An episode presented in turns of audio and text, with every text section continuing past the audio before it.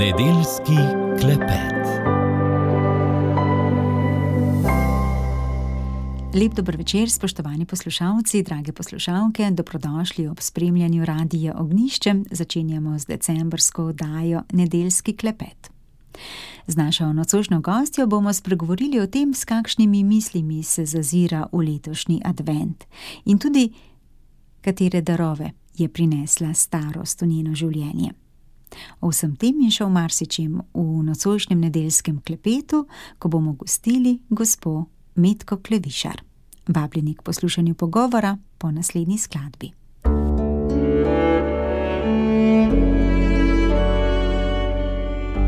Poslušate podcast Radia Ognišče.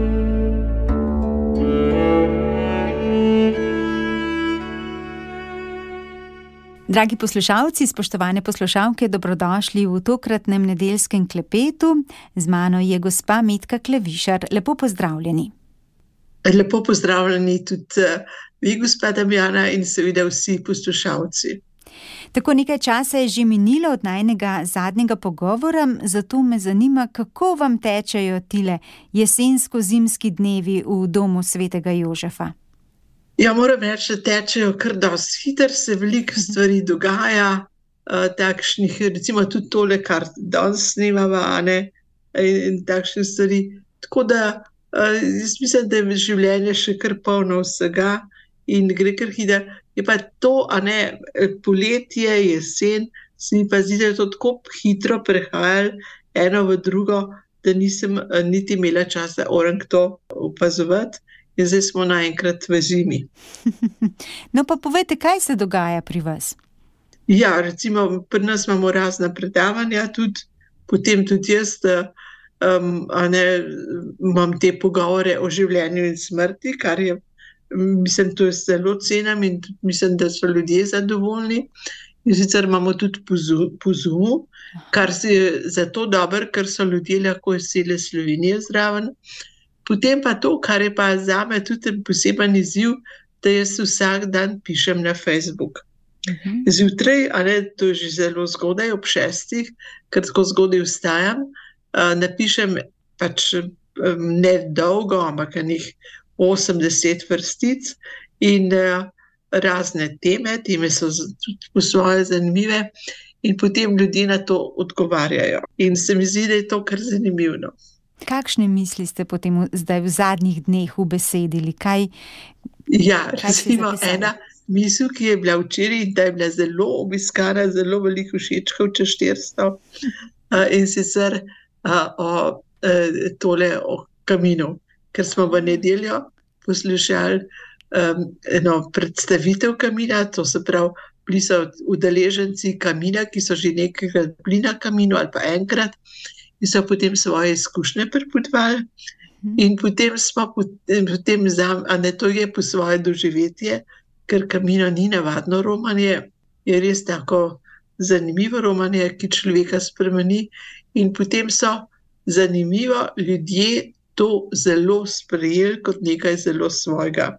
Očitno ljudje radi, eh, nekateri so verjetno že bili na kaminu, nekateri bi radi šli. In mislim, da je hoja, hoja ne romanje, nekaj, kar je človeku zelo blizu. No, in danes sem pa uh, drugo misel dala, ker ne moreš v eni misli to napisati, da je pravzaprav življenje je pot. Uh mhm. -huh. In to se mi zdi zelo pomembno, ne, ker no, se to že ne za plotnik tudi v tem pisal, a ne v bistvu, važno je, da ti hodiš in da ti hodiš v bistvu mi vsi hodimo proti večnosti, tako rekoč. Vse tega se niti ne zavedamo, ampak v bistvu je ta hoja to. Mhm. No, idej vam torej ne zmanjka. Zdaj, vse, kaj zdaj pišem, že četrto leto. Aha. In uh, je tako, vse sem zelo pozorna, poslušam razna predavanja, poslušam, kaj ljudje rečejo, poslušam, kaj ljudje kaj povajo, in iz tega dobivam potem tudi razne teme. To so teme, ki so zelo človeku blizu, a ne nekatere so uh, takšne, ki ljudem bolj ustrezajo, nekatere malo manj, ampak čez 200 všečkov je vedno drugače, drugo je pa več. No, širok krok eh, bralcev imate torej. Ja, še kar širok. Odlično. Povejte, s kakšnimi mislimi pa se zazirate v letošnji advent? Veste, advent je za me zelo, zelo lep čas. In jaz se adventa veselim, ker se mi zdi, advent sam je za me lepši kot sam božič. Potem.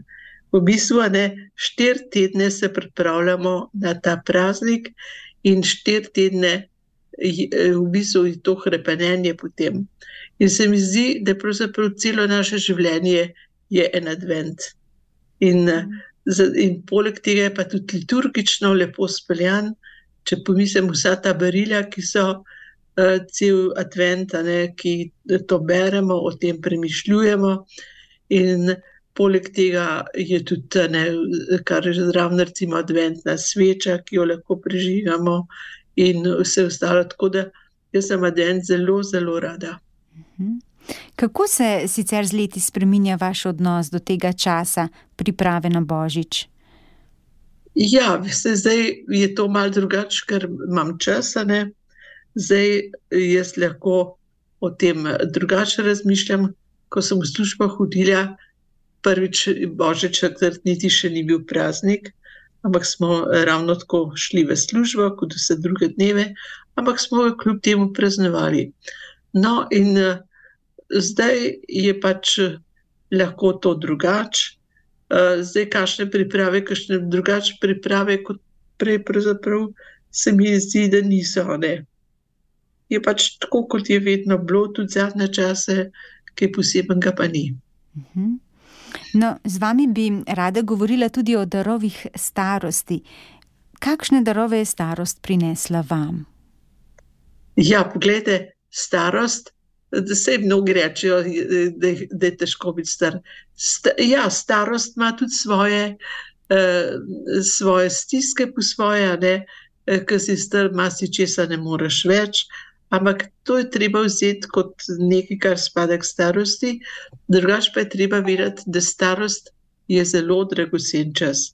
Prvič, imamo v starosti imamo čas, da lahko v marsičem razmislimo, nismo pod pritiskom, kaj moramo. Eh, potem eh, tudi se mi zdi, da je zelo dobro pogledati nazaj na svoje življenje in potem obrednotiti celo življenje, kakšno je bilo in eh, kako smo to preživeli. Tudi lahko smo hvaležni za vse tisto, kar smo preživeli, a ne to ni tako samo po sebi umevno. Končno tudi hvaležni za tisto, kar je bilo mogoče teže, pa smo šli preko in smo tudi to preživeli. In potem je starost tudi čas, pravzaprav je starost tudi po svoje advent. En poseben advent, zato ker ne, ko si star, čakaš na tisti dokončni uh, cilj, ki, ga, ki, je, ki je pred nami in ki se nam potem vedno bolj bliža. In jaz mislim, da je to tudi lepo pred sabo imeti in vedeti, karkoli se bo zgodilo, tudi če bo kaj težkega, ampak mi vemo, kam gremo.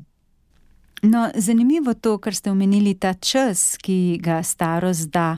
Se vam sicer zdi, ko opazujete zunani svet, vi ste zelo povezani z njim, da je ta tempo vedno hujši, vedno hitrejši?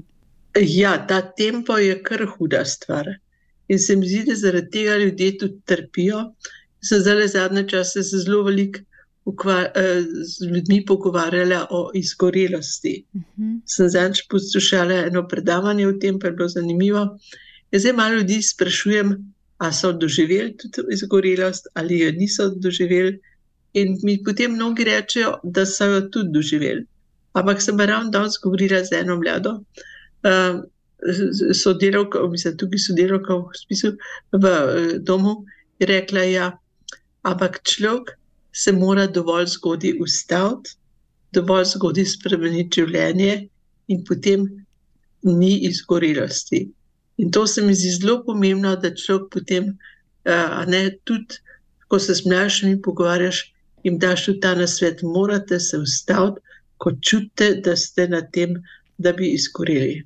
No, nam v starosti, seveda, izgorelost ne grozi, mi se lahko spominjamo, mogoče za nazaj, če smo kdaj to doživljali, Ampak jaz moram zase reči, da tega niti nisem, se ne spominjam, da bi doživljala, da je pravo izgorelost. Čeprav moram reči, da sem skozi delala. Mhm. Ja, to je kar kompleksna tema, ampak morda ravno advent vabi k temu, da malce upočasnimo svoj tempo in uravnovesimo življenje. Morda gre pri preprečevanju izgorelosti prav zato, da uravnovesimo življenje. Ja, in eh, to je res. Ne? Prvič je vse, prvi je čas že letni čas, tak, da se vse umiri. To je ena stvar, druga stvar je, da je konc leta, ko tudi lahko rečemo, da je to ta glavno za nami, zdaj se lahko pripravimo na nov začetek in lahko v miru pripravimo. Potem tudi, če čist liturgično, ne, se vse tudi k temu usmerja, tako da je advent res tak čas, ko se lahko to umiri. No, in če se zdaj vrnemo na darove starosti, sicer nasplošno večkrat slišimo, tudi vi ste uh, omenili, da je uh, težko biti star, da marsikdo tako reče. Torej, večkrat slišimo, da starost odnaša zdravje, prijatelje, samostojnost. Pa me zanima, kako pa vi gledate na to. Ja, veste, to je zelo odvisno od tega, kako človek na to gleda. Gotovo določene stvari, odna, uh, določene stvari in ljudi odnaša to, kar ni vedno lahko, je, da nam odnaša ljudi. Ljudi, ki jih imamo radi, s katerimi smo lahko uh, dobro sobivali, ampak ti se počasi poslavljajo, ker eden od nas bo sigurno prej umrl, ali drugi, ali pa jaz. In je dejstvo, da ne mi odnaša. Ampak po drugi strani je pa tako, da smo lahko neizmerno hvaležni, da smo blizu njimi. In se mi zdi, da ta hvaležnost je tista stvar, ki lahko človeka po koncu drži. Ne, ne samo žalost, zakaj tega ni več, ampak hvaležnost, da smo bili kar nitko samo po sebi umivno. Potem pa seveda, vedno manj tudi zmoremo, marsičesa ne moremo več, za marsikaj rabimo pomoč, ampak vse konc koncev ni tako hudo. Ne, verjetno je včasih težko prositi za pomoč, to ni vedno lahko, ampak ko pa prosiš, pa vidiš, da jo dobiš. No, kaj pa modrost? Ali prinese starost modrost? Kaj lahko sami storimo za to, da bi v starosti postali modri? Ja, se, to je zelo zanimivo vprašanje. Človek bi rekel, da ja, potem je pa star človek modr. Lahko je, lahko pa tudi ni. Ampak ni nujno, da je star človek modr. Jaz poznam veliko starih ljudi, ki so zelo modri, sploh ni, ni odvisno od izobrazbe, lahko nimajo nobene posebne izobrazbe, lahko nekdo še pisati in brati ne zna, pa je moder, lahko pa ima nekdo fakulteto narejeno, pa sploh ni moder. Ne, to je tisto, jaz mislim, odvisno od tega, kako ti živiš svoje življenje. In jaz mislim, da veliko ljudi gre, pač tako, gre vse mimo njih, sploh ne se ne uživljajo v to, kar živijo. Uh mhm. -huh. Tako da bi rekla, so modri, pa niso modri. Pa lahko sami kaj pripomoremo k temu, oziroma na kakšen način? Ja, lahko, če, ampak to moraš začeti dovolj zgodaj. To je prepozno, če začneš v starosti. To je že celo življenje, kako živiš, kako že kot mlad živiš, kako potem nadaljuješ, kako eh, so kakšne stvari v življenju, ki te potem malo stresajo, malo spremenijo in včasih tudi modre, modrejšega naredijo. Mhm. In na vse to mora biti človek pozoren, in če si pozoren, potem postaješ lahko moder. Če pa gre to kar tako mimo tebe, da te sploh ne zanima, pa to pa lahko sploh nisi moder. Tako je. Ja. No, sicer pa smo, se mi zdi, priče nekemu zanimivemu paradoksu. Na eni strani govor o eutanaziji, na drugi pa prizadevanje za vitalno dolgoživost. Pa me zanima, kako vi gledate na to, na nek način ja. schizofreno situacijo. To je zelo schizofrena uh, situacija. Poglejte, smo se ravno včeraj pogovarjali. Ljudje, ki so stari, recimo čez 80 let, 90 let, pa so bili mogoče pred 40 leti operirani zaradi raka, pa so zdaj popolnoma zdravi, tako rekoč, pa jih potem po 80 letu ne naročajo več na kontrolo, kar je zelo logično. Ampak ti ljudje so doskrat užaljeni ker bi hoteli še eh, hoditi na kontrolo. Ne vem, kaj pričakujejo. Pričakujejo uh, večno življenje ali kaj. A po drugi strani pa tudi uh, eutanazija. V bistvu, jaz mislim, da se za eutanazijo zauzemajo ljudje, ne tisti, ki so res bolni, pa ki trpijo, ampak tisti, ki so težko ob nekom, ki so bolni. Jaz mislim, da je za marsikoga težko biti ob nekom, ki trpi.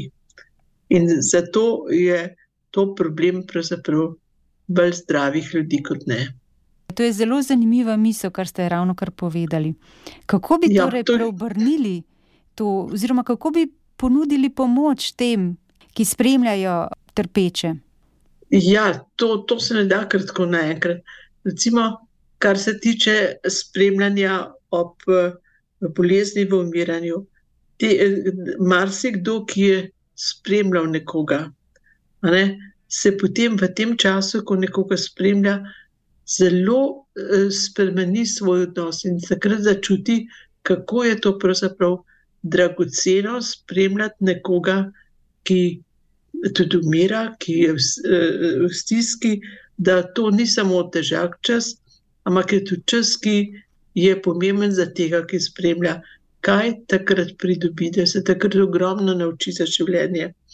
Jaz poznam zdaj enega mladega fanta, študenta, ki dela pri hospicu, tukaj na Štajerskem. Mislim, da je zanj bila vdaja tudi na ognišču v kolokviju. Mislim, kako on to pripoveduje, kaj vse pri tem doživlja. In se mi zdi zelo dragoceno poslušati tudi takšne ljudi, da potem sam razmišljaš, a je vredno res biti pri nekom, ki tako trpi. Različnih tem smo se dotaknili v tokratnem nedeljskem klepetu, in za konec pa še eno vprašanje o poeziji. 3. december je rojstni dan našega pesnika Franceta Preširna, pa me zanima, radi prebirate poezijo, je morda kakšen pesnik ali pesnica, ki vam je še posebej pri srcu? Ja, zakaj jo rada prebiram, pa vendar ne tako, da bi eh, bila to moja glavna okupacija. Jaz moram reči, da so mi všeč tudi eh, te, te pesniki, tudi eh, Kuntner, recimo Kuntnerja zelo cenim. Potem je tudi Marko Pišljar, to je en kolega naš, ki je psihiater, bil v Idriji, tudi zdaj v, pri eh, Moharevi knjigo. To so ljudje, ki potem res iz življenja marsikaj povejo. No, mislim, To sem zdaj samo dva omenila, ampak teh je še veliko. In sicer pravite, da poezija ni vaša glavna, oziroma prebiranje poezije ni vaša glavna okupacija, ampak sicer pa vam je pri srcu ali ste bolj ljubitelji proznih besedil? Ja, mi je pri srcu samo, se, jaz se več ukvarjam s proznimi besedili. No, in nam lahko zaupate kakšno knjigo, ki vas je v zadnjem času nagovorila? Moram reči, da zadnje čase sem pa zelo mal brala. Vse je pa tako, potem pa je to zanimivo, da potem s starostjo nekateri veliko več verejo, mhm. nekateri veliko manj. Ampak se mi zdi, da sem v življenju toliko stvari prebrala in sem zelo hvaležna za tisto, kar sem prebrala, da zdaj trenutno tudi od tega živim, kar sem prebrala. In da mi je pa veliko lažje poslušati, recimo zelo rada tudi poslušam razne stvari in mi je tudi to dragoceno. Tako sicer ste eno knjigo nocoj že omenili, Nejca za plotnika oziroma njegovo knjigo Pot. Veliko predavanj ste tako mimo grede omenili in tudi radio ognišče, tako da smo veseli, da ste tudi naša zvesta poslušalka. Gospa Mitka Klevišar, za konec tega najnega decembrskega klepeta bi vas prosila še za zaključno misel za naše poslušalce zdaj le ob začetku adventa, kaj bi jim sporočili. Ja, jaz želim vsem, da lepo preživijo adventane. Potem sem pa, moram še to reči, da sem zelo vesela za letošnje praznovanje ognišča. Zdaj je bilo 29 let, ampak naslednje leto bo 30 let, da spremljam tudi ognišče od vsega začetka in se zato še toliko bolj vesela vseh eh, teh praznovanj. No, to nas zelo veseli. Prav lepa hvala za lepe želje, gospa Metka.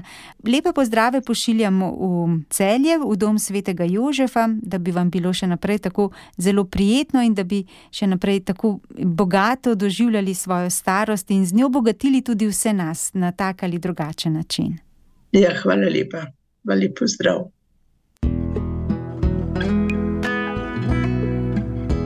Poslušate podcast Radia Ognišče. Podprite nas in postanite prijatelj Radia Ognišče. Spoštovani poslušalci, drage poslušalke, toliko smo vam pripravili v decembrskem nedeljskem klepetu, v katerem smo gostili Metko Klevišar. Prav lepa hvala za vašo pozornost in poslušanje. Vse dobro vam želim, od vas pa se poslavljava tehnik Jakob Čuk, ki je poskrbel za tehnično izvedbo oddaje in voditeljica Damjana Medved. Lepo se imejte in srečno. Poslušali ste nedeljski klepet.